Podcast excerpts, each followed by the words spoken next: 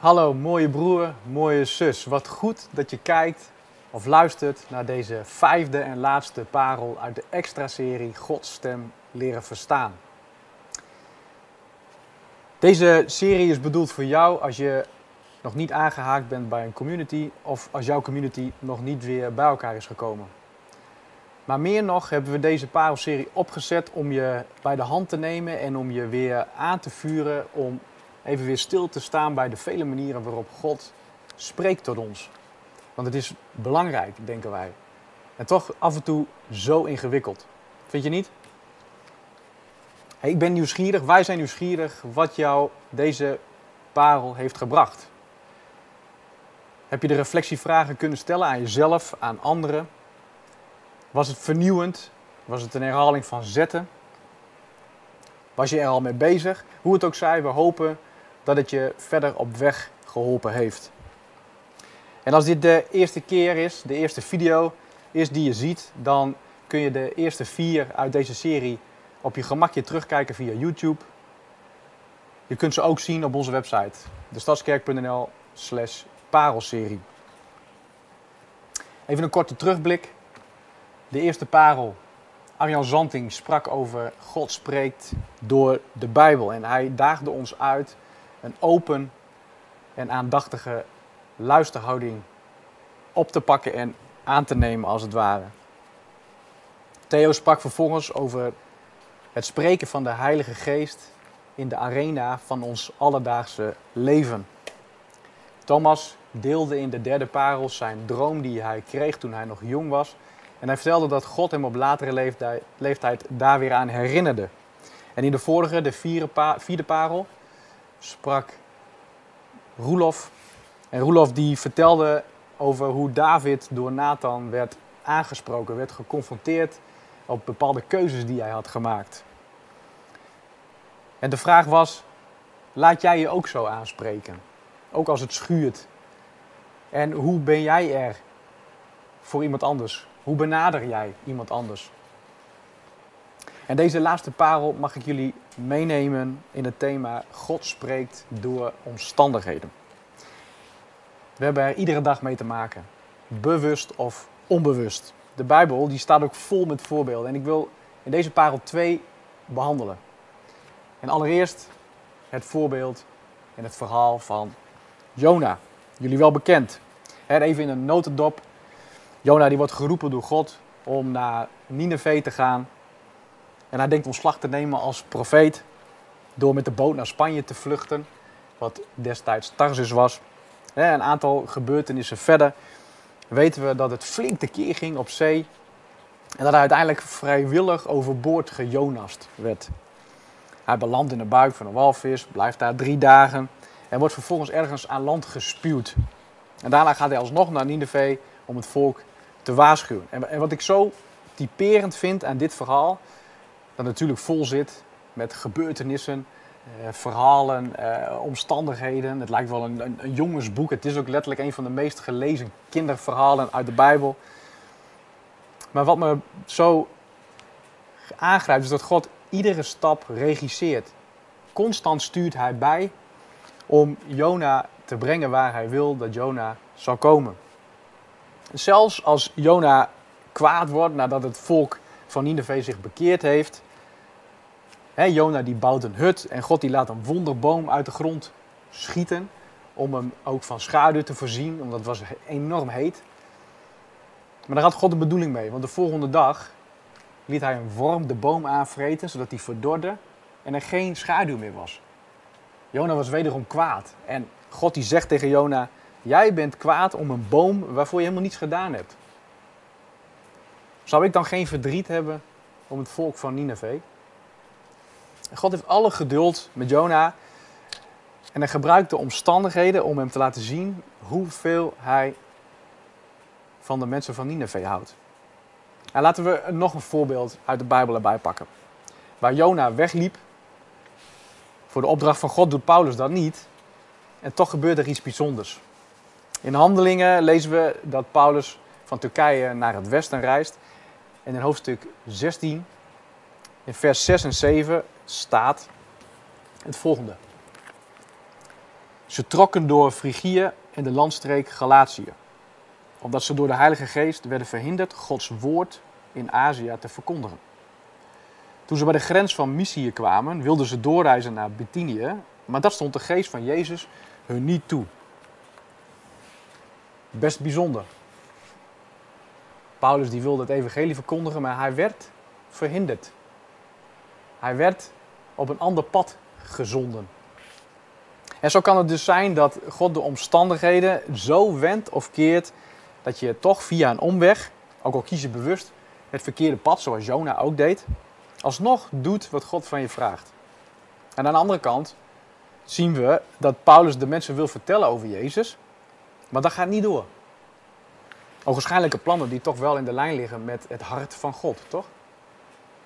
Herken je dat? Dat je denkt, ik ga het goede doen, maar dat er zoveel belemmeringen zijn op je pad, dat je eraan gaat twijfelen of het wel Gods wil is om datgene te doen waarvan jij denkt, ja, dit is het vurige verlangen wat God op mijn hart gegeven heeft. En naast dat ik de overtuiging heb dat Jona een heenwijzing is van Jezus, vind ik het intrigerend om te ontdekken wat God laat zien op die bootreis van Javo naar Tarsis. Verplaats je eens in de bemanning. Verbeeld je eens in dat je daar op dat schip bent. Eerst gooien ze tijdens die storm om te overleven hun kostbare lading overboord. Dan werpen ze het lot. En hoe kan het ook anders? Dat valt op Jona. Ze spreken hem erop aan.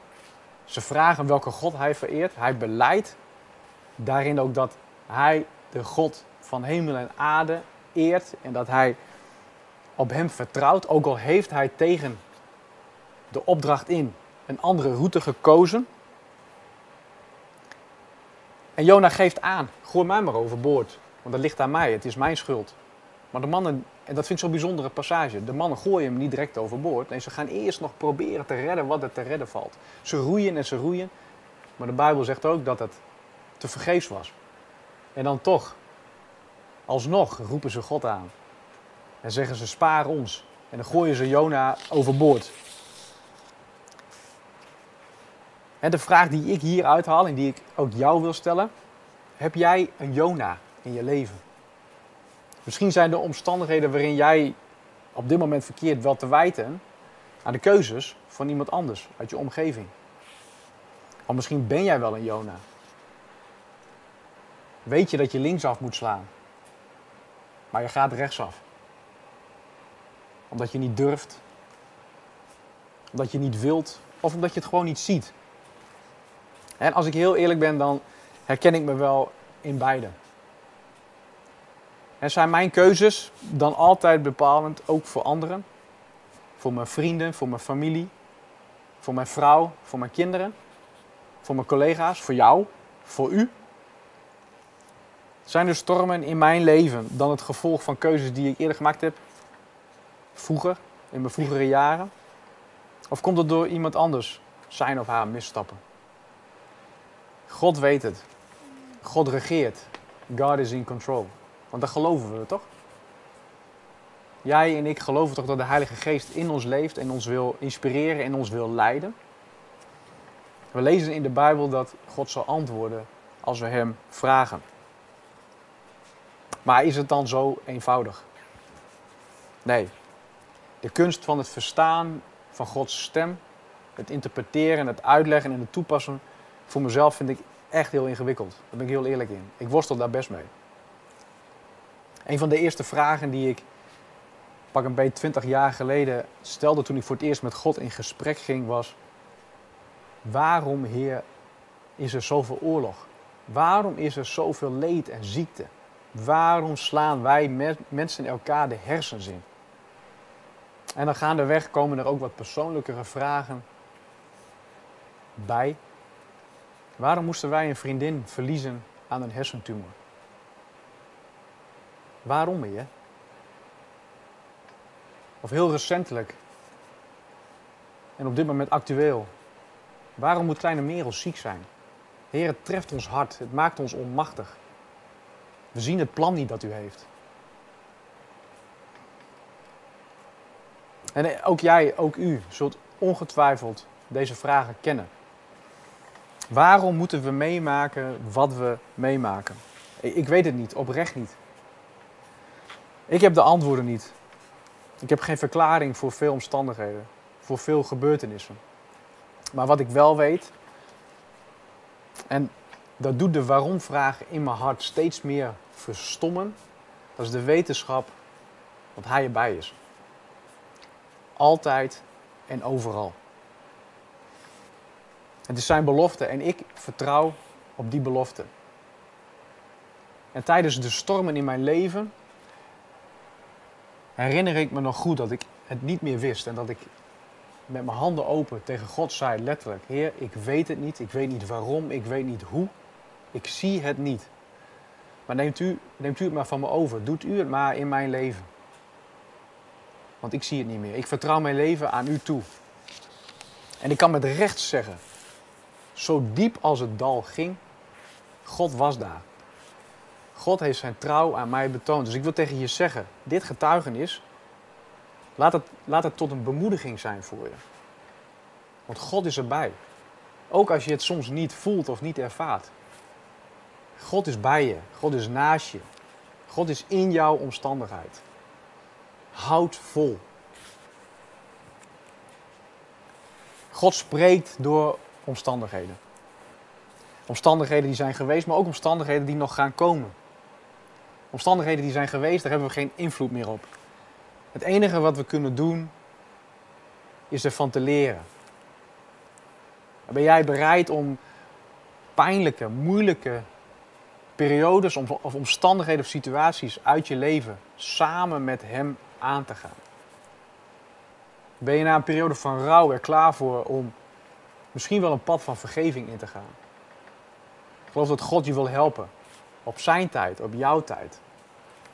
Net zoals bij Jona en Paulus levert hij maatwerk, want hij kent je, hij heeft je gemaakt. En als we kijken naar de, de omstandigheden die nog gaan komen, dan hebben we daar ook niet altijd invloed op. Waar we wel invloed op hebben is hoe we ermee omgaan, hoe we erin gaan. Ben jij bereid om daarin je afhankelijkheid van Jezus te beleiden? Zodat Hij het maar mag doen in jouw leven. Ik wil besluiten met een heel wijs woord van Jacobus uit hoofdstuk 4. En in de versen 13 tot en met 15, daar zegt hij: Dan iets voor u die zegt: Vandaag of morgen gaan wij naar die en die stad. Daar blijven we een jaar, we zullen er handel drijven en geld verdienen. U weet niet eens hoe uw leven er morgen uitziet. U bent immers maar damp die heel even verschijnt en dan alweer verdwijnt. U zou moeten zeggen: Als de Heer het wil, zijn we dan in leven en zullen we dit of dat doen. Het is oprecht mijn verlangen om steeds vaker eerst om wijsheid en leiding te bidden en dan pas mijn plannen uit te rollen. Ik zie dat ik nog zo vaak en zo gemakkelijk God in mijn agenda probeer in te passen. Maar het is echt mijn verlangen om mijn agenda ondergeschikt te maken aan de Heer. Herken je dat verlangen? En als je onderweg bent met God en je staat weer op en je, bent, je gaat de dag in samen met de Heilige Geest en je wilt dat gebed ook bidden, waar, waar ik net een stuk vanuit voorlas, vanuit Jacobus. En er komen dingen op je pad die je niet kunt overzien, waar je, waar je geen invloed op hebt en waarvan je denkt van, maar waarom moet, waarom moet dit mij overkomen? Het kunnen grote dingen zijn, het kunnen kleinere dingen zijn. Vraag God dan juist ook door deze parelserie heen. Vijf parels, vol rijkdom waarin we je willen laten zien hoe, hoe God wil spreken tot je. Vraag hem. Heer, wat ik vandaag heb meegemaakt, ik kan het niet duiden. Wilt u me alstublieft vertellen wat u daarmee bedoeld heeft? Op welke manier kan ik ermee omgaan? Is het een heenwijzing? Is het een richtinggevend iets? Wilt u me iets duidelijk maken? Zodat we steeds meer en meer in afhankelijkheid leven van de Heilige Geest die ons helpt. Van de dromen, de visioenen waar we voor openstaan. Dat we het woord openen om ook te leren van dat wat God met recht, met met de bedoeling heeft laten optekenen. En dat we naar anderen luisteren. Dat wij bereid zijn om een doorgeefluik te zijn. Een doorgeefkanaal van niet alleen liefde, maar dat God ook door ons heen spreekt tot anderen. En ons gebed is dat deze parelserie, dat we daarmee je denken vernieuwd hebben. En dat het je aanzet om Hem te betrekken bij alles wat je doet. Zodat we samen bouwen en staan op de belofte uit Matthäus 7, vers 7. Vraag en er zal je gegeven worden. Zoek en je zult vinden. Klop en er zal voor je worden opengedaan. Lieve broer, lieve zus, ga met God. Zijn zegen in de naam van Jezus. Voor jou, voor u. Amen.